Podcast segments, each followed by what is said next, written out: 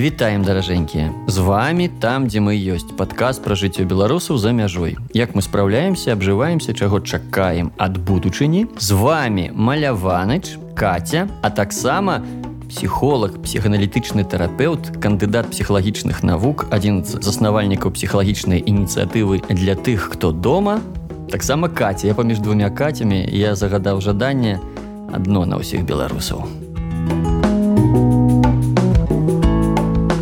як мне да вас звяртацца катя 1 катя 2 як, як мне, Я як думаю, будзе? мы разные по голосу, и, возможно, нас поймут. Но Катя, можно, психолог. Окей а ёсць псіхолог а ёсць псіхалагіня чым яны адрозніваюцца і чым такі выраз катя А так так э, псіхалагіня фемінітыў і мне больш падабаецца псіхалагіня таксама Мгм. калі завуць Окей будзеш псіхалагіня у нас псіхалагіня катя А ты катя хто будзеш у нас А я буду... кіраўніца кіраўніца катя З чаго пачынаем кіраўнік Катя. Кировник Катя предлагает э, начать с нашей темы. Мы с Катей сегодня хотим поговорить с Катей психологиней о тревоге.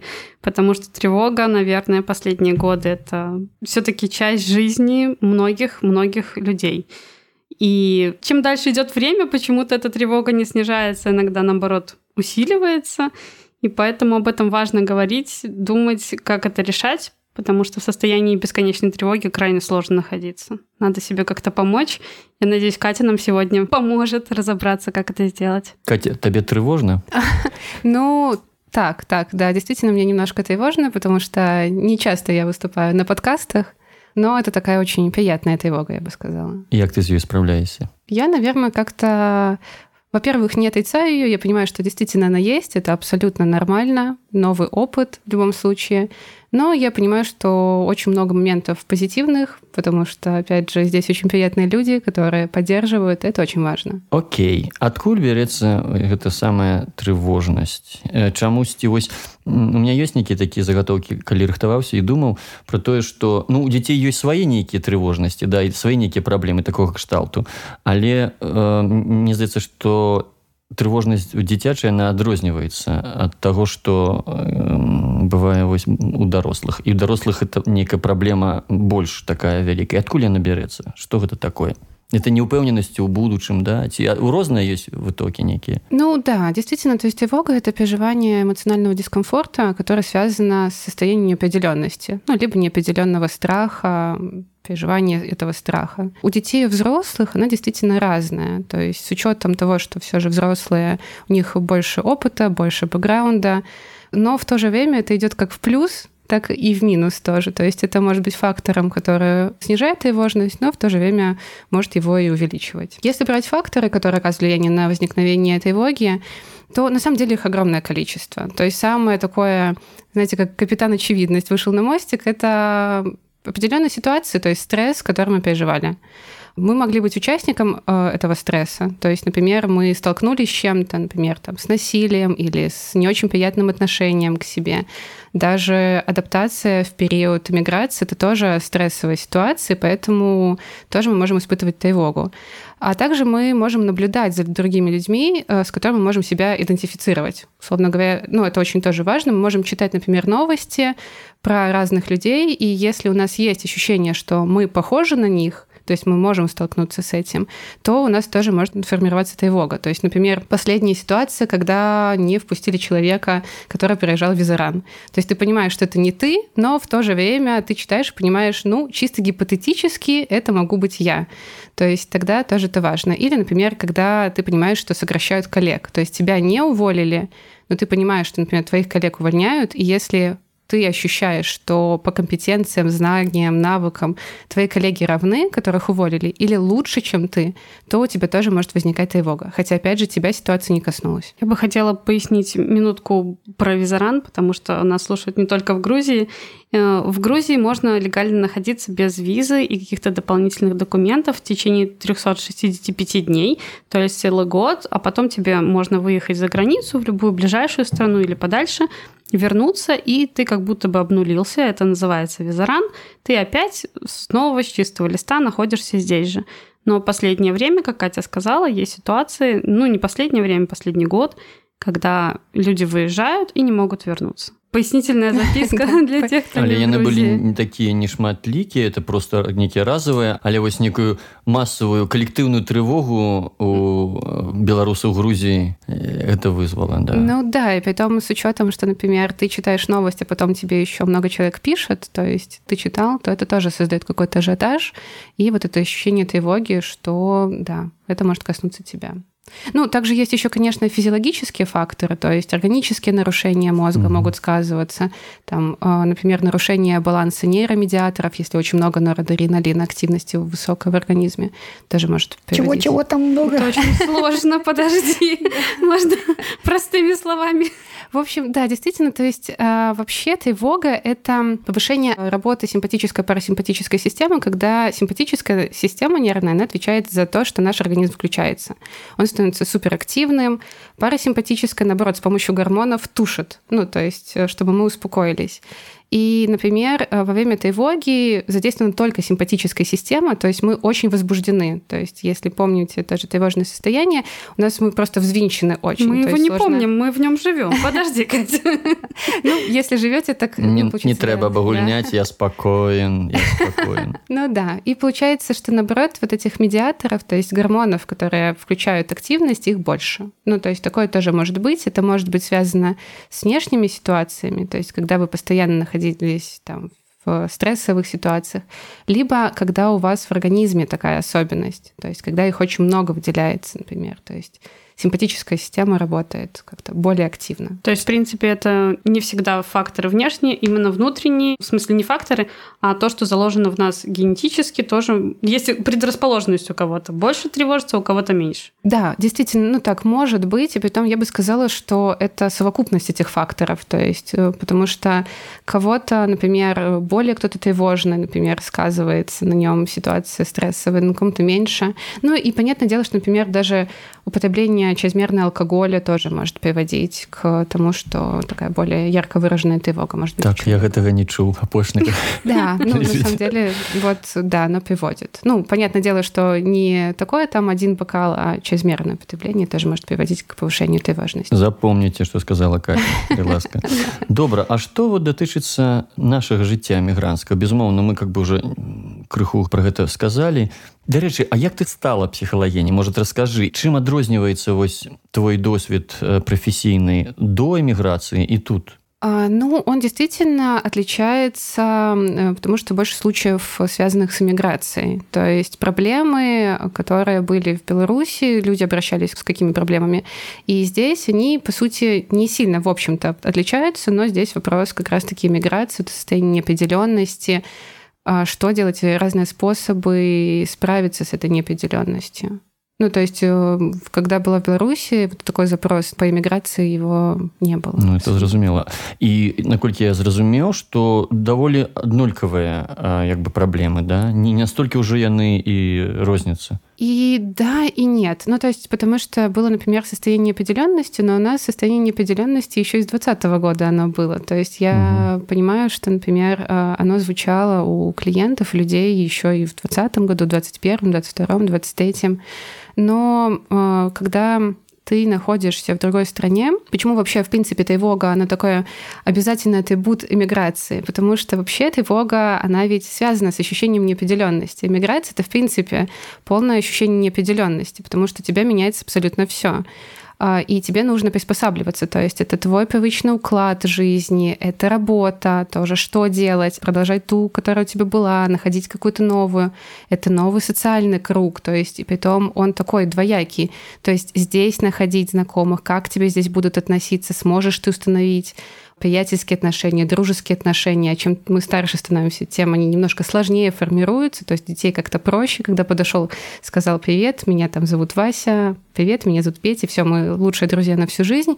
У взрослых немножко иначе это все строится. Вот, а также еще отношения с людьми, которые остались тоже, потому что могут быть, может быть, много тревоги связано с этим непосредственно. Mm-hmm. А также еще ощущение подвешенности я заметила здесь, потому что понятное дело, что мы сейчас находимся в эмиграции, насколько это, то есть будем ли мы возвращаться, не будем возвращаться, если будем, то когда.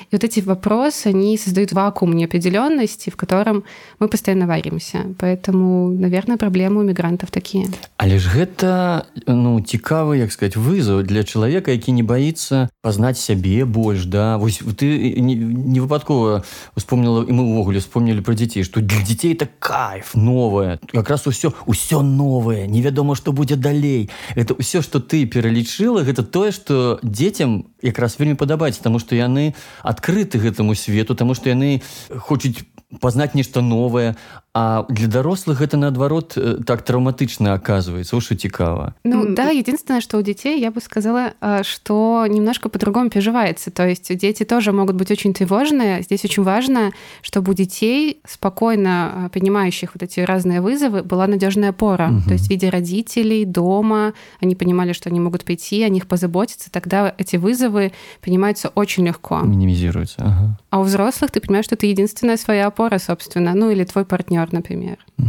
Мне кажется, не все дети так легко все переносят. Да, действительно. Потому что, есть... в принципе-то, детский возраст, он такое размытое понятие, потому что в 12, 13, 14 ты еще ребенок или ты уже взрослый? Не, это уже подлеток, и для их это уже іншие зусім. Я думаю, что... Ну и маленькие дети тоже тяжело переезжают некоторые. Некоторых складываются связи с какими-то детьми дома, и кто-то отпускает легко, а кто-то сложнее. И... Не, безумовно, это да, все индивидуально. Поэтому, конечно, але... все это Очень. Але мой посыл асноўны на тое што будьце як дзеці. Дарэчы мы можа перейдём на тэму А што рабіць з гэтай трывожнасцю? Ось адзін з маіх рэцэптаў не псіхолага і не псіхілагіні тым больш старайцеся быць як дзеці старайцеся жыць тут і зараз. Я разумею што гэта лёгка як бы раіць і а на практыцы не заўсёды это атрымліваецца асабліва калі у тебе сям'я у тебе адказнасць за другую палавінку за дзяцей калі яны ёсць Вось, але тым не меньш, ну, один из вариантов. Тебе как психологини как? Неплохо, Рекомендуешь? Да, действительно. Ну, оно работает. Оно, надо важно учитывать, что все техники для того, чтобы справиться с тревогой, они индивидуальны. Вот как с детьми, это достаточно индивидуально, потому что у каждого есть своя история, но с большего, например, определенным образом. С другой стороны, да, да, действительно работает. Потом здесь и сейчас есть даже техника, когда ты вообще погружаешься именно в здесь и сейчас, то есть концентрируешься на действиях. Ну, то есть на запахах, на вкусах, на там все, что с тобой происходит, например, там а моешь посуду, мой посуду. Ну, то есть это действительно тоже одна из техник, которая помогает снизить тревогу. Парада адмаляваныша как бы акцёрская як. Наколькі я разумею катя что адна з прычын вось такой трывожнасці гэта некая яшчэ і зацыкленасць немагчымасць неяк саскачыць з нейкай праграмы такой да збоя у нармальны нейкі стан. Ну ёсць такое практыкаванне напрыклад калі я буду увесь час казаць думайте про белага сабачку думайте про белага сабачку ён лахмату я так ну я буду опісваць і казаць думайте про белага сабачку вы будете думать про гэтага белого сабачку калі вам раптам скажу не думайте про белого сабачку ні ў коім разе не думайте вы будете працягваць думать про гэтага белага собачку і вось мне здаецца что одна з как бы задач переключиться знайсці нейкі занятак ці некую іншую мотывацию каб э, з гэтых тревожных э, думак соскочыць да так тоже можно действительно переключение внимания единственное что здесь тоже важно не переборщить потому что часто встречала людей которые например полностью уходили в работу и настолько сильно урабатывались избегая вот этой тревоги именно непосредственно в эмиграции что это тоже не сильно шло им в плюс. Они себя изматывали. А тревога, по сути, никуда не девалась. Поэтому, когда они останавливались, например, то тревога оставалась. Поэтому переключение внимания, да, но важно здесь тоже держать какой-то баланс, потому что бегать вечно невозможно. Хотела сказать, что у меня вот, например, пример, как я справляюсь с тревогой. Иногда, ну, не иногда, а в прошлом году, когда началась война, я начала много вязать. Я целое лето вообще не останавливалась. Я фигачила, фигачила, фигачила, фигачила. Осенью примерно я так остановилась и думаю, что-то все, что-то я больше не могу. Но на тот момент это мне очень помогало. Я отвлеклась вот прямо на все сто. То есть заняты руки, какие-то очень простые мысли, то есть там посчитать эти петли. И мне казалось, что это вообще выход. И я могла... Э, и глаза заняты, руки заняты, и ты вроде новости не читаешь, ничего не смотришь и занят чем-то полезным. Да, смотрите, ну, оно тоже будет работать. Это хороший способ отвлечься. Единственное, что, наверное, может быть, вернусь чуть-чуть назад, вот про то, что Александр говорил, что это навязчивая мысль, от которых невозможно убежать. Но вообще тревога, она бывает разная. Есть тревога ситуативная, а есть тревожность, то есть как состояние непосредственно. То есть это постоянное наше какое-то состояние. И здесь тоже важно учитывать, если вдруг мы сталкиваемся с какими-то стрессовыми ситуациями и возникает тревога, то это нормально. То есть, например, даже отвлечься, потом вернуться, оказывается, там фактор прошел, или когда мы решаем какую-то проблему, она проходит. Мне, например, вспоминается ситуация, коллега моя рассказывала о том, что женщина во время эвакуации из Украины ее ребенок спрашивал, говорил, что «мам, я никогда не видел, чтобы ты так волновалась, так тревожилась». Он говорит, я никогда так и не волновалась. То есть есть ситуация, триггер, есть непосредственная реакция.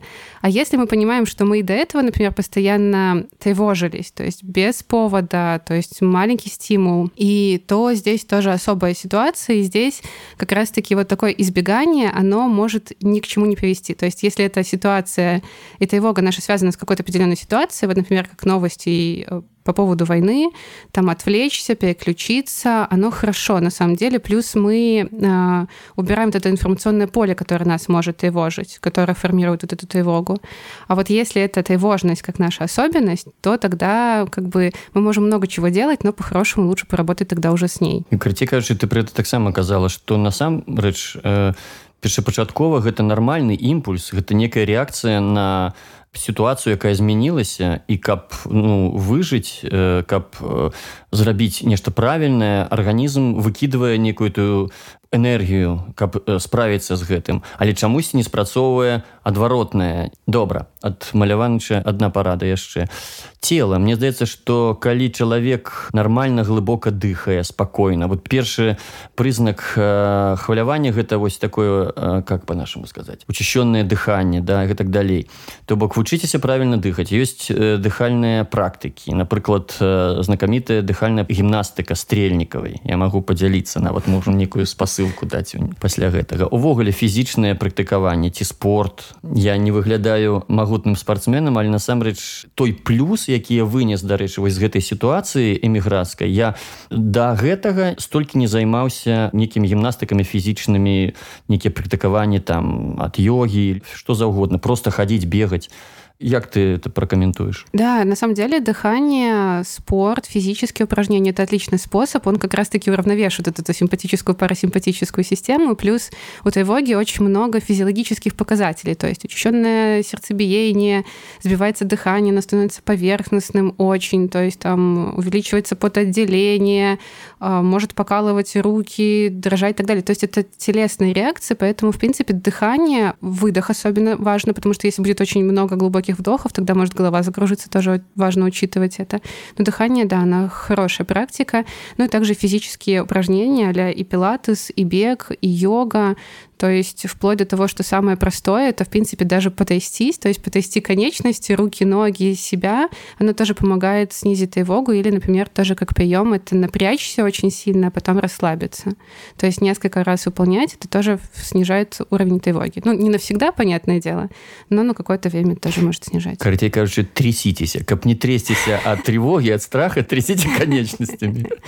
Ну да, да, можно и так сказать. Но важно тоже учитывать, что техник снизить э, тревогу достаточно много, э, и они очень индивидуальны. То есть важно, когда подбираете, чтобы это ложилось именно вам. То есть попробовали, например, вот с вязанием, помогло, отлично, все, прекрасно, тогда можем возвращаться к этому столько, сколько оно будет помогать. Может быть, потом оно перестанет помогать, может, наоборот, закрепиться. То есть это здорово, и потом, например, тоже одна из таких хороших техник — это делать какие-то действия в ситуации неопределенности, которые для вас э, определенные. То есть, э, вот, например, у вас был подкаст с Лешей, он говорил о том, что эко-привычки помогли ему адаптироваться. То есть, э, когда вы привозите сюда какие-то действия, которые для вас характерны, которые важны для вас, которые приятны. То есть, оно тоже помогает как-то расслабиться. Это может быть абсолютно любое что-то.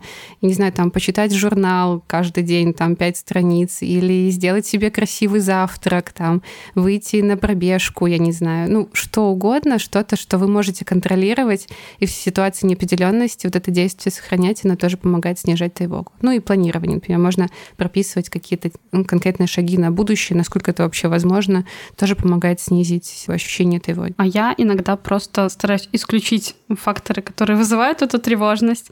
В частности, например, соцсети — это такое место, откуда лично я чаще всего получаю всю информацию, я могу вот отложить телефон, например, на день. И это касается не только потребления мной информации, но и я сама ничего не рассказываю, не показываю какое-то время и беру для себя такой перерыв, делаю для себя такой брейк, и тогда как-то становится легче, потому что даже если не читать новости, а просто продолжать функционировать в соцсетях, мне кажется, что это все равно как-то повышает тревогу. Ну, хотя смотря для кого как. Может быть, для кого-то и нет. Как будто бы ты более открыт, и, соответственно, mm-hmm. это повышает какую-то нервозность иногда. Ну да, потому что достаточно большой информационный поток, очень разной информации, и к стрессовым ситуациям мы еще больше перезагружаем мозг. То есть ему надо еще, в принципе, справиться с огроменным потоком очень разной информации. Поэтому это хороший способ тоже расслабиться. У меня муж недавно перевел, например, телефон полностью на черно-белые цвета.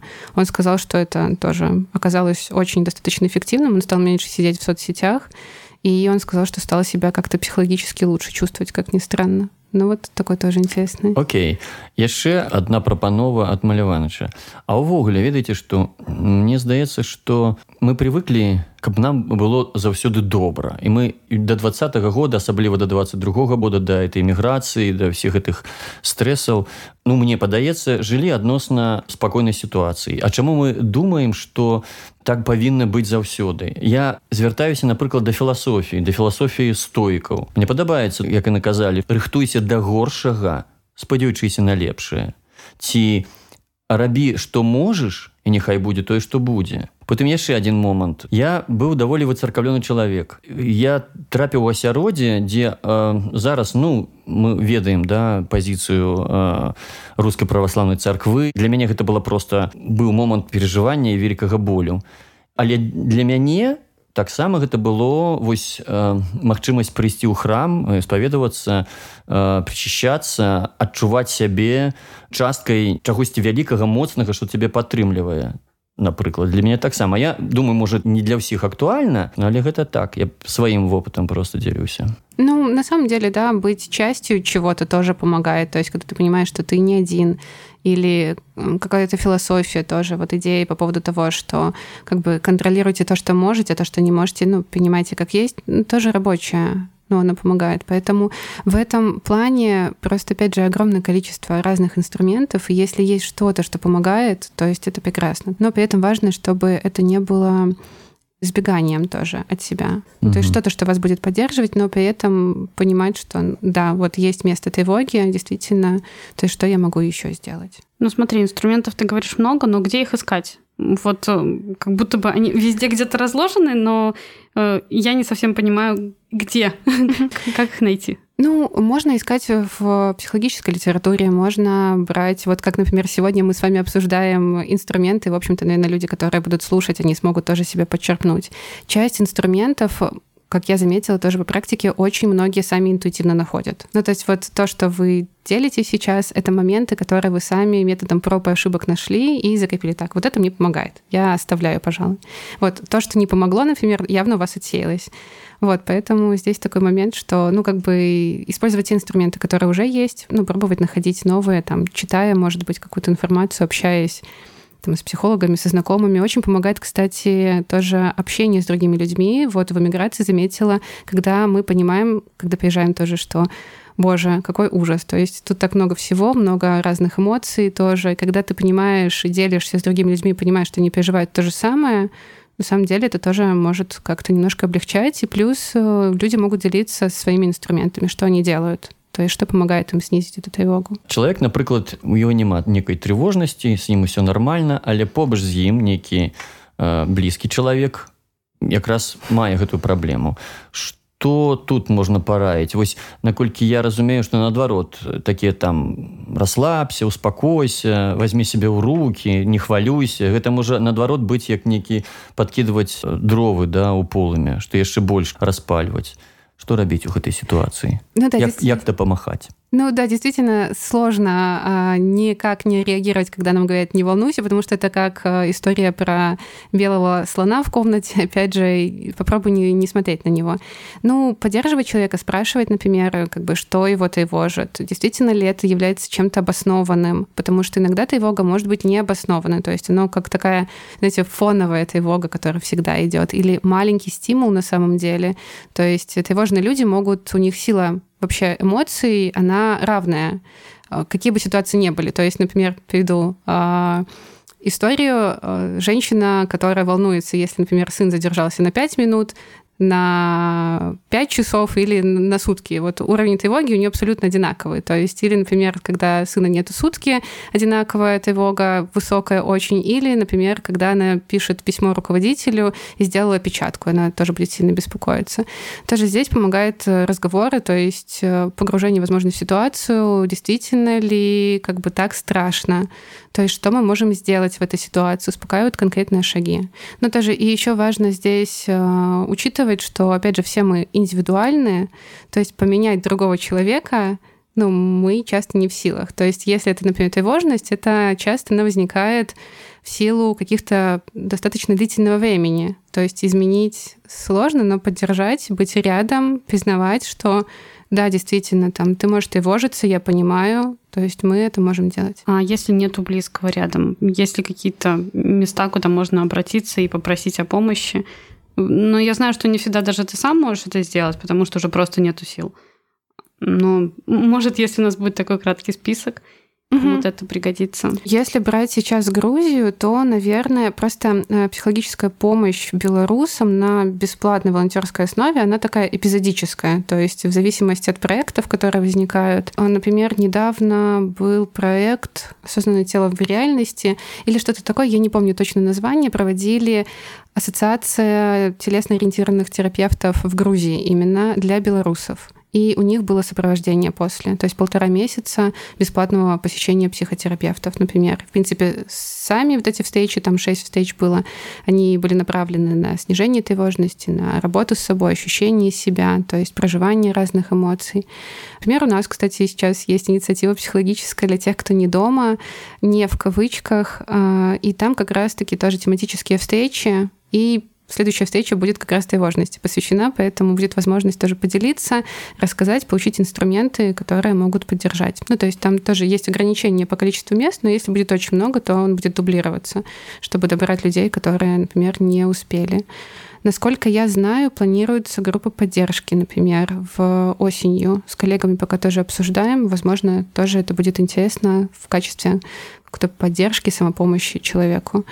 Ну и если брать, например, телеграм-каналы, есть э, телеграм-канал психотерапевта в Грузии, там можно найти себе индивидуального психотерапевта, но это уже понятное дело, что на платной основе. Но что мне нравится, там указано, откуда психотерапевт, то есть какое направление, какими вопросами занимается, стоимость, ссылки на ресурсы про него, где вы можете почитать, ну то есть подобрать тогда уже специалиста себе. А если не только в Грузии, потому что нас слушают и в Беларуси, в Польше, в Литве, в других странах? Я думаю, что ну, вообще программы помощи белорусам, они есть везде. То есть они часто единственное, что тоже грантовые. А вот э, мне знакомая, например, она организует психологическую помощь именно белорусам в Беларуси. Вот, я не знаю, правда, насколько это можно сейчас разглашать, поэтому, так как я у нее не спрашивала, наверное, не буду говорить. Но вообще везде есть еще каналы, телеграм-каналы именно с ссылками на психотерапевтов в разных странах. То есть нужно искать телеграм-каналы, в которых эта информация есть. И как, чаще всего именно там это можно как, найти. Как вариант. Ну, то есть какую помощь вы хотите? То есть будет ли это групповая помощь или индивидуальная? Будет ли это бесплатная или платная? То есть если платная, то, например, можно спрашивать по знакомым, которые уже есть в разных странах.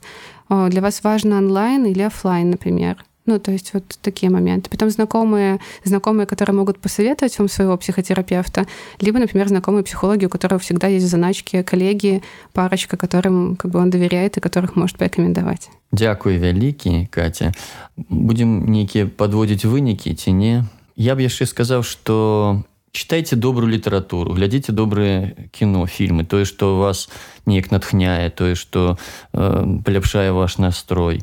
Для подлеткаў да і для дарослых я б э, параіў пачытаць кніжку палеанна Элеонор Портер. Дзяўчынка якая ва ўсіх сітуацыях дзе што б з ёй не здарылася яна іграла такую гульню яна ва ўсём бачыла радасць да. Напрыклад там замест любімай лялькі табе дасылаюць памылка і табе дасылаюць кастылі чаму можна радавацца таму што яны табе не патрэбныя і ці там у цябе баліць зуб чаму можна радавацца таму што дзеці адказваюць таму што сёння я не пайду ў школу. І гэтак далей заўсёды можна чаму-небудзь радавацца ці ведаеце вы што самая вясёлая дзіцячая кніжка астрид лінгрен пепі доўгая панчоха дзе была самая мне здаецца жыццелюбівая гераіня пепі да дзяўчынка якая э, таксама заўсёды была ў такім пазітыве была напісана ў 1942 годзе у разгар другой сусветнай вайны. І тым не менш гэта вось не перашкодзіла геніяльнай пісьменніцы як бы субліміраваць некую дрэнную энергію якая вакол была ў свеце да у такую цудоўную рэч. Таму у мы дзякуем нашай цудоўнай псіхалагіне каце і жадаем каб э, усе трывогі усе страхі яны б сублімироваліся ў нешта пазітыўнае і, и доброе. Да, и мне сейчас пришло в голову идея, которой я пользуюсь постоянно. Я слушаю разные подкасты. И часто они на психологические темы, а некоторые из них они просто легкие разговоры, чем-то похожие на наши, как я надеюсь. И я надеюсь, что слушая наш подкаст, вам становится, может быть, легче, немножечко веселее иногда. И если вам хорошо, нам от этого еще лучше. Поэтому делитесь с друзьями, рассказывайте о нас, ставьте нам оценочки на Apple подкастах и присоединяйтесь в наш канал в Телеграм. Спасибо вам большое, что были с нами. С нами сегодня была и Катя. Спасибо большое. Берегите себя и помните, что тревога — это нормально. До свидания. Всем спасибо.